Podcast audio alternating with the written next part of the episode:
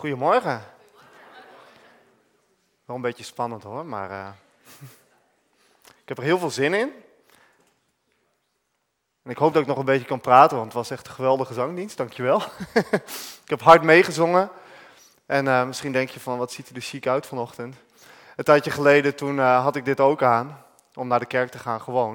En toen kwam ik beneden en, en toen zei Sarah, ga je spreken of zo? Dus toen dacht ik, nou ja, dat moest zo zijn. Dus ik heb dat aangetrokken vanochtend. Um, het is al even gezegd, ik wil het vanochtend hebben over innerlijk vertoon. En om dat uh, in te leiden, wil ik jullie eerst eventjes meenemen naar een tijdje geleden. Toen waren we met mijn schoonfamilie op familieweekend in de Belgische Ardennen. Uh, vlakbij Dinan. Ik weet niet of wel eens iemand in Dinan is geweest. Ja, ik zie wat handen. Ja, ja hey, Naomi ook, leuk. Uh, dit is Dinan. Ik hoop dat je het een beetje kan zien, maar het is een heel leuk uh, stadje en er loopt een rivier doorheen. En hier op de voorgrond zie je ook een kerk staan. Deze foto heb ik gemaakt vanaf een burcht waar we waren. Daar, zijn we, daar zit een museum in. En daar had je een heel mooi uitzicht over de stad. Dit is de kerk vanaf de andere kant. En die kerk zijn we ook ingegaan. Hele mooie kerk van binnen. Een van de mooie dingen die ons opviel was dit geweldig mooie glas in lood. Super gedetailleerd. Ik hoop dat je het een beetje kan zien in de zaal. Maar het is, uh, ja, ik weet niet of ik eerder wel eens zulk gedetailleerd glas in lood zo mooi heb gezien. In Gouda ook. Oh, dat is een tip. Bedankt. Dus willen jullie mooi glas in lood zien dichter bij huis, dan moeten jullie naar Gouda gaan. En tegenover dat glas in lood stond dit. Je ziet het een beetje in de weerspiegeling. Ik zal een beetje, ik heb nog een plaatje waar er iets meer ingezoomd is. Dit is een buste. Dan moet ik even spieken van de heilige Perpetuus. En dan denk je van, waarom staat die buste daar? Wat mooi. Maar op het bordje daarnaast staat, jawel, zijn schedel zit erin. En ik vond het een hele mooie kerk. En ik was ook best wel uh, ja, onder de indruk van hoe mooi de kerk was. Maar eigenlijk maakte het me ook wel een beetje verdrietig. Want het is een hele mooie kerk en het ziet er allemaal prachtig uit. Maar is het nou echt de bedoeling dat je op deze manier beelden van mensen in een kerk gaat zetten omdat ze nou eenmaal zo belangrijk zijn geweest voor jouw kerk? En eerlijk gezegd bad ik op dat moment ook naar God. God, ik hoop echt dat u verhoogd wordt en niet ik. Al lijkt het misschien soms anders, want ik sta heel graag op het podium. Maar niet op die manier. Het gaat uiteindelijk om, erom dat God verhoogd wordt. Nou, vanochtend wil ik eigenlijk met jullie uh, een heel aantal Bijbelteksten door. Dus het wordt best wel uh, een Bijbelstudie. Maar alles is weer verbonden met elkaar en dat vond ik zo mooi. En elke keer was ik iets aan het lezen en dacht ik, oh, dit moet er ook nog bij en dat moet er ook nog bij. En dan kreeg ik nou ja, ik geloof dat het van God komt. Dan lag ik s'avonds in bed en dacht ik, oh ja, die tekst is er ook mooi bij. En dan ging ik het opzoeken en uiteindelijk viel alles op zijn plek. Dus dat is hartstikke bijzonder, vind ik. Ik wil uh, eerst een stuk met jullie lezen over uh, Apollos en Paulus. En um, ja, dit is de titel van de preek, innerlijk vertoon. Apollos en Paulus. Um, op een gegeven moment uh, schrijft Paulus een brief aan de gemeente in Korinthe. En daar is een beetje een tweestrijd ontstaan. Sommige mensen zeiden, nee, ik ben meer iemand die uh, Apollos aanhangt. En nee, ik ben meer iemand die Paulus leer aanhangt. En Paulus die, uh, ja, die geeft eigenlijk die mensen een beetje op hun... Hè? hij is niet zo aardig tegen hun eigenlijk, hij, hij wijst ze terecht. Laten we gaan lezen. 1 Corinthians 3, vers 5 tot 15. Daar staat dit. Dit zegt Paulus tegen een gemeente. Wat is Apollos eigenlijk? En wat is Paulus? Zij zijn niet meer dan dienaren die u tot geloof hebben gebracht. Beide op de wijze die de Heer hun heeft geschonken. Ik heb geplant en Apollos heeft water gegeven, maar God heeft doen groeien. Wie plant en wie begiet hebben hetzelfde doel. Al worden ze ieder apart beloond, overeenkomstig de moeite die ze zich hebben gegeven. Dus wij zijn medewerkers van God en u bent zijn akker. U bent een bouwwerk van God, overeenkomstig de taak die God mij uit genade heeft opgelegd. Heb ik als een kundig bouwwerk, uh, bouwmeester het fundament gelegd en een ander bouwt daarop voort. Dus Paulus heeft het fundament gelegd en Apollos bouwt erop voort. Laat ieder er wel op letten hoe hij dat doet. Want niemand kan een ander fundament leggen dan er al ligt, Jezus Christus zelf. Maar op dat fundament kan verder worden gebouwd met goud, zilver en edelstenen of met hout, hooi en stro. Van ieders werk zal duidelijk worden waaruit het is opgebouwd. Op de dag van het oordeel zal dat blijken, want dan zal het door vuur aan het licht worden gebracht. Het vuur zal laten zien wat ieders werk waard is. Wanneer iemands bouwwerk blijft staan, zal hij worden beloond. Wanneer het verbrandt, zal hij daarvoor de prijs betalen. Hij zelf zal worden gered, maar als het ware door het vuur heen. Nou, hier lezen we eigenlijk een duidelijke waarschuwing. Bouw je bouwwerk met de goede bouwstenen op en doe dat vanuit een goed hart. Dus doe dat niet vanuit uiterlijk vertoon, maar doe dat vanuit innerlijk vertoon. zoals Paulus ook zegt, het gaat niet om ons, maar het gaat om God. Laten we God alle eer geven. En je kunt twee soorten bouwwerken maken, namelijk één van goud, zilver en edelstenen of één van hout, hooi en stro. En jullie mogen raden welke verbrandt als er vuur komt. Ik vond het uh, heel leuk om te lezen dat het hier over een bouwwerk gaat. Het begint heel mooi met onze groeifase. En daarna gaat het over een bouwwerk. En ik had al gezegd, ik neem jullie mee door veel Bijbelteksten. En uh, de volgende Bijbeltekst die ik ga lezen is Matthäus 7, uit Matthäus 7. Um, en daar spreekt Jezus over verschillende bouwwerken. En hij heeft het over werken in zijn naam. Mensen die mij Heer noemen, komen niet vanzelf in Gods nieuwe wereld. Daar komen alleen de mensen die doen wat mijn hemelse Vader wil. Ik zal terugkomen om recht te spreken. En dan zullen veel mensen tegen mij zeggen: Heer, bij alles wat we deden hebben we uw naam genoemd. Toen we vertelden over Gods plannen, of terwijl profeteerden, toen we kwade geesten wegjaagden en toen we wonderen deden. Maar dan zal ik tegen die mensen zeggen, ik ken jullie niet. Jullie hebben steeds weer dingen gedaan die God niet wil. Ik wil jullie niet meer zien. Deze tekst vond ik altijd wel lastig, want ik denk van ja, wat moet je dan doen? Hè? Je doet toch dingen in, in, in Jezus' naam, maar blijkbaar is dat niet genoeg. Luister naar mijn woorden, zegt Jezus, en doe wat ik vraag. Dan lijk je op een verstandige man die zijn huis bouwt op stevige grond.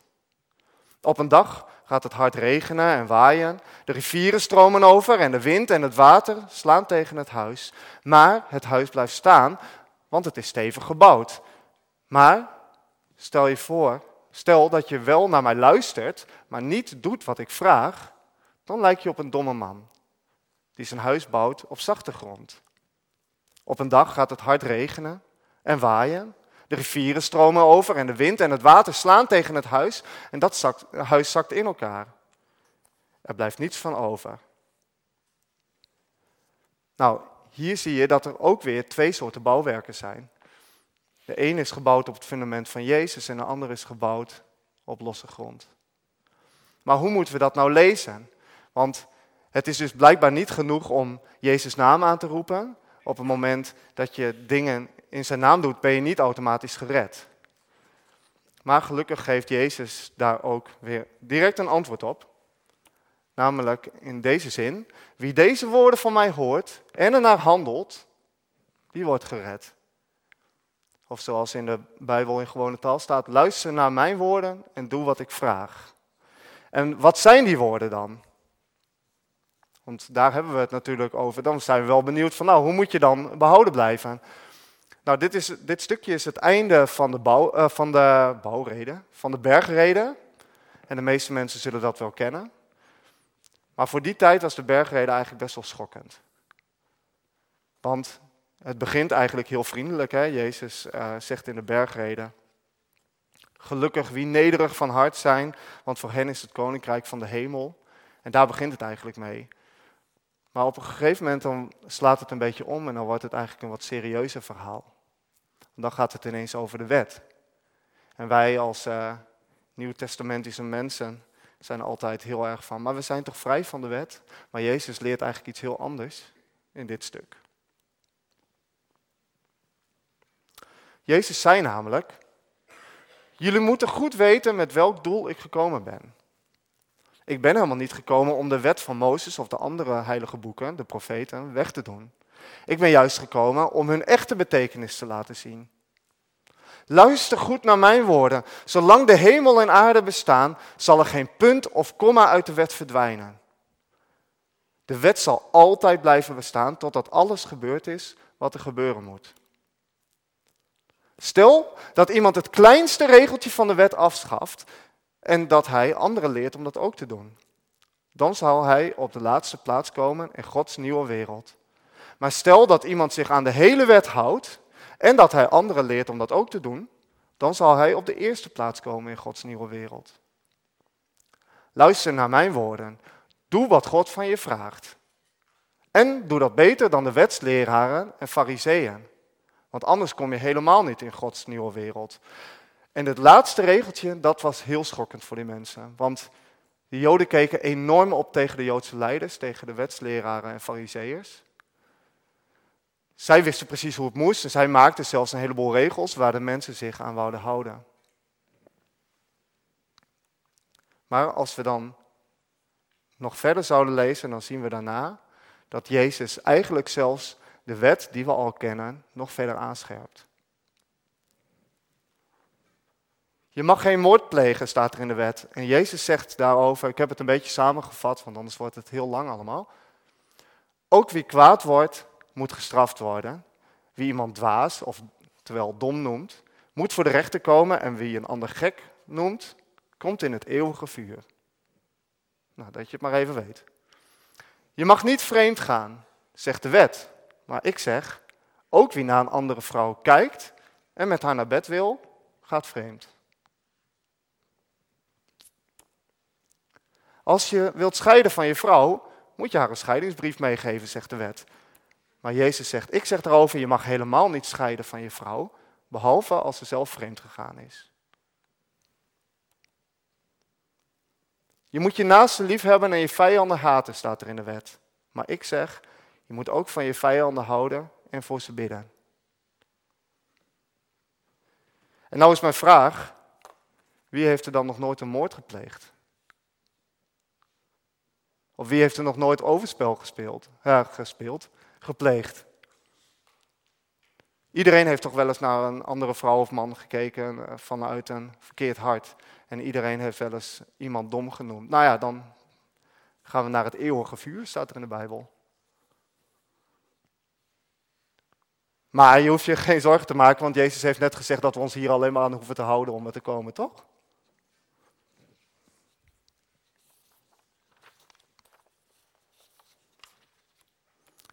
Jezus gaat daarna verder. Hij zegt, let op, je moet doen wat God van je vraagt. Maar je moet dat niet doen om op te vallen bij, bij de mensen.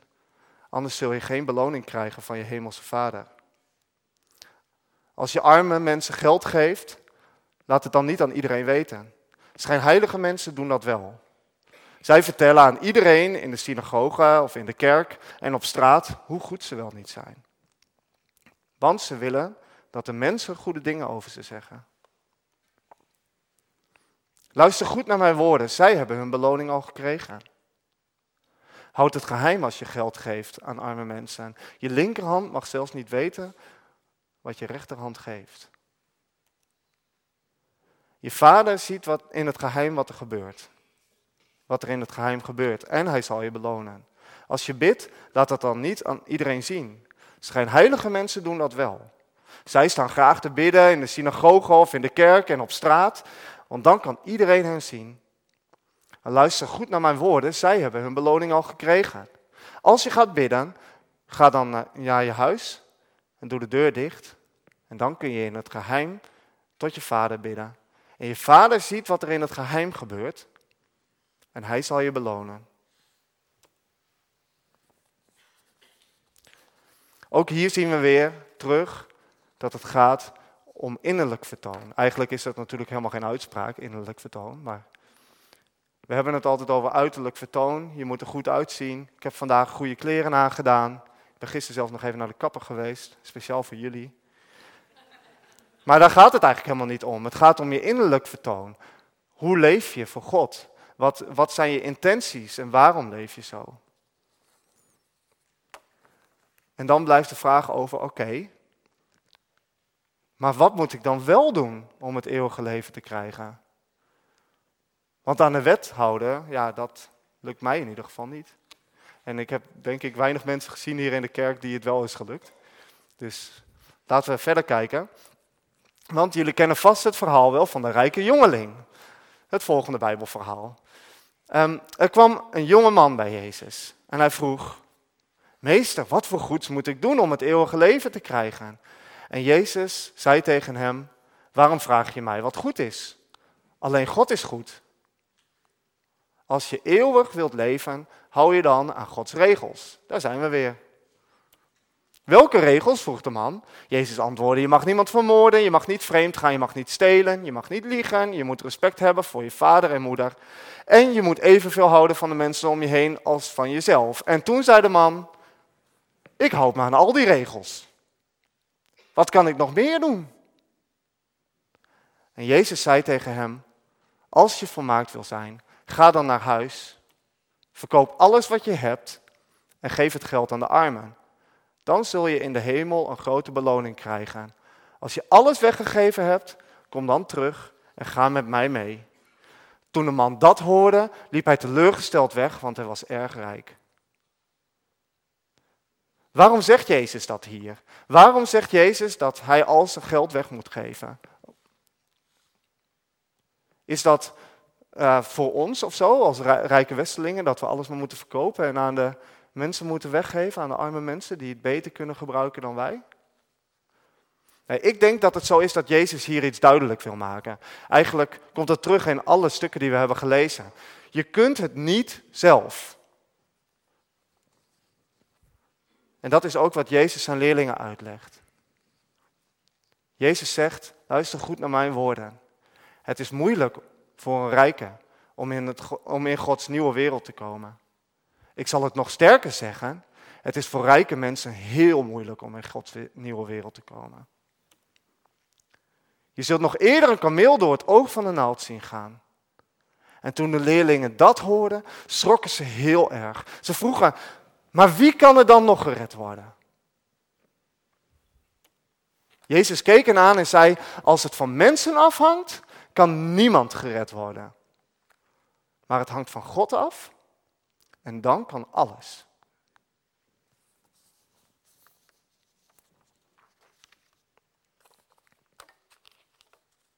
En wat is dat dan? Nicodemus. Weer een Bijbeltekst die hier heel mooi op aansluit. Er was een fariseer die Nicodemus heette. Hij was een van de Joodse leiders. En midden in de nacht kwam hij naar Jezus toe. Het viel me trouwens voor het eerst op dat er staat dat hij midden in de nacht kwam. Toen vroeg ik me echt af van waarom zou je dat midden in de nacht doen? Misschien moest hij een verre reis maken of zo, dat weet je niet. Maar dan zou het er denk ik niet zo duidelijk bij staan. Misschien deed hij het wel heel stiekem. En hij zei tegen Jezus, meester, wij weten dat God u gestuurd heeft om onze leraar te zijn. Maar we zien, want we zien dat God u helpt om al die wonderen te doen. Jezus zei tegen Nicodemus, luister heel goed naar mijn woorden. Je kunt alleen bij Gods nieuwe wereld horen als je op een nieuwe manier geboren wordt. En toen zei Nicodemus, iemand die al oud is kan toch niet opnieuw geboren worden? Hij kan toch niet teruggaan in de buik van zijn moeder en nog een keer geboren worden? En Jezus zei tegen hem, luister heel goed naar mijn woorden. Je kunt Gods nieuwe wereld alleen binnengaan als je op een nieuwe manier geboren wordt. En dat gebeurt als je gedoopt wordt met de Heilige Geest. Jezus zei, wie op een gewone, menselijke manier geboren wordt, zal een keer sterven.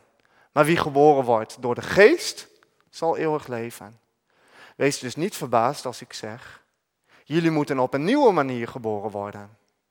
Denk aan de wind, die waait waarheen hij wil, je hoort hem, maar je weet niet waar hij vandaan komt en waar hij naartoe gaat. En zo is het ook met de geest.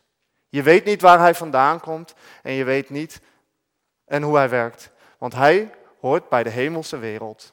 En iedereen die door de geest geboren wordt, hoort ook bij de hemelse wereld. En dan is het Nicodemus nog steeds niet duidelijk. Want het is ook best wel een cryptische omschrijving. Ik denk dat wij al best wel wat meer een beeld van hebben wat Jezus hier bedoelt. Maar eigenlijk is het heel vaag. Je moet opnieuw geboren worden. En nu komen we eindelijk tot het stuk waar het echt om gaat.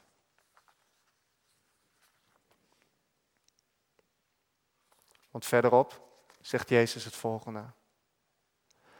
Mozes zette in de woestijn een koperen slang, hoog op een paal. Net zo moet de, hoge, een hoge plaats krijgen. Eerst aan het kruis en daarna in de hemel. En daardoor krijgt iedereen die in hem gelooft het eeuwige leven. Want Gods liefde voor de mensen was zo groot dat hij zijn enige zoon gegeven heeft. Iedereen die in hem gelooft, zal niet sterven, maar voor altijd leven. God heeft zijn zoon naar de wereld gestuurd om de mensen te redden. Niet om hen te veroordelen, want wie in de zoon gelooft, zal niet veroordeeld worden. Maar de mensen die niet in hem geloven, die zijn al veroordeeld. Zij zullen gestraft worden, omdat ze niet willen geloven in de enige zoon van God. En dat is waar het om gaat. Hè? Jezus hing aan dat kruis. Hij heeft daar gehangen, bloedend, voor ons allemaal. En soms dan schaam ik mezelf, dan denk ik, hij heeft daar gehangen. En ik maak me er druk om of ik wel moet gaan staan in de kerk om te zingen voor God. Ik vraag me af of ik me wel moet laten dopen. Ik heb zoveel vragen. Ik vraag me zoveel dingen af. En wat mag het mij kosten? Gaat het dan om mijn uiterlijk vertoon? Wat zullen de mensen wel niet van mij denken? Dat ik dit doe voor God? Of gaat het dan om je innerlijk vertoon? Gaat het erom dat je bij God wil horen en dat je Gods koninkrijk wil bouwen? Daar gaat het toch om? Dus wat houdt je tegen?